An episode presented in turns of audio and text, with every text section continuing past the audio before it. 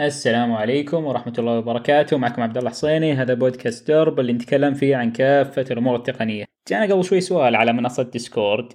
هو السؤال إنه كيف أتعامل مع ال APIs فإن شاء الله بالحلقة هذه من البودكاست بنغطي الموضوع هذا.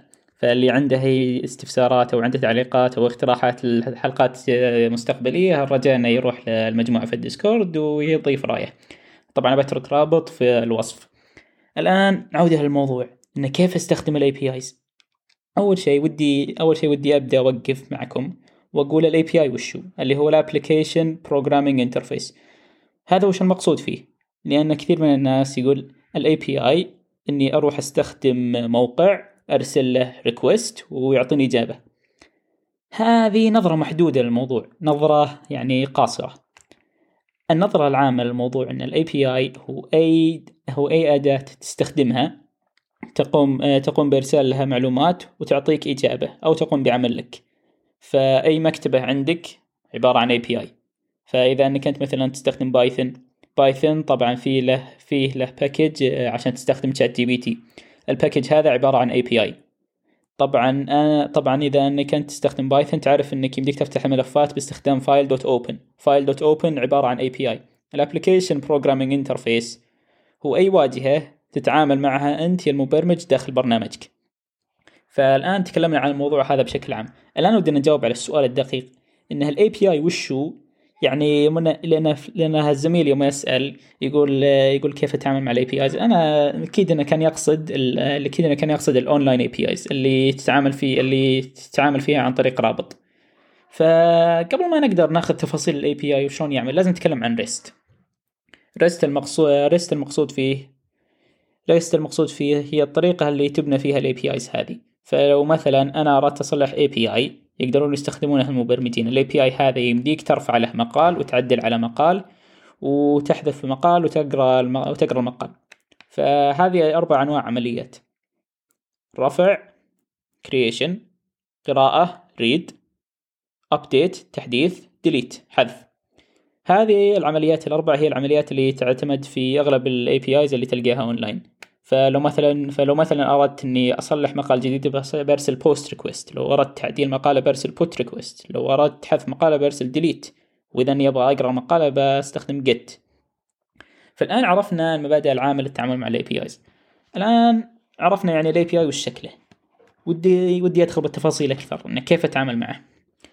كثير من ال APIs يقول لك okay أنت يا فلان من الناس لازم ترسل لنا رسالة بشكل معين. وإذا الرسالة وافقت الشكل اللي إحنا نبيه نبي نعطيك نتيجة.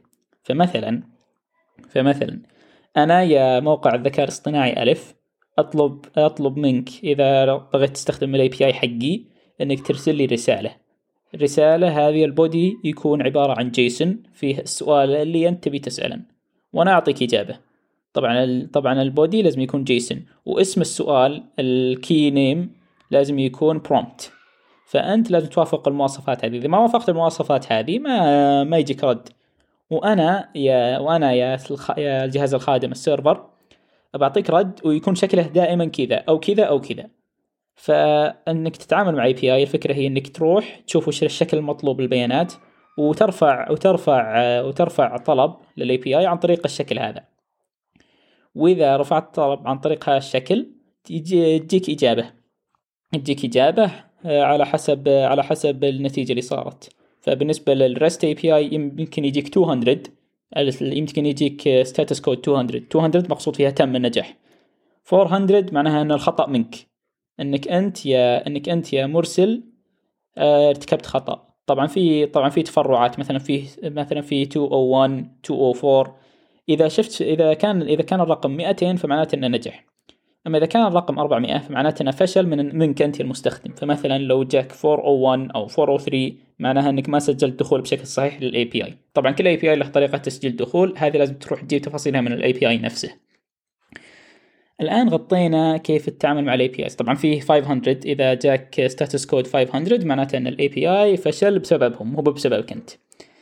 فهذا بالنسبة فهذا بالنسبة لطريقة عمل ال REST API إنه أنا أعطيك أنت عطني أنت عطني أنت عطني معلومات بالشكل هذا وأنا أعطيك رد ويكون بالشكل هذا طبعا ال API مو محدود على مو محدود على الويب ال Python عندك إذا سويت file dot open يبي يعطيك. يبي يعطيك محتوى الملف إذا سويت file dot open لازم تعطيه. لازم تعطيه مكان الملف واسم الملف عشان يقدر يفتح لك إذا أخطيت في. إذا أخطيت في النقطة هذه بيعطيك error فال error والإجابة الصحيحه فال error والرد الصحيح يعطيك إياها النظام على حسب المعلومات اللي أنت أعطيته. فهذا هو API بعد.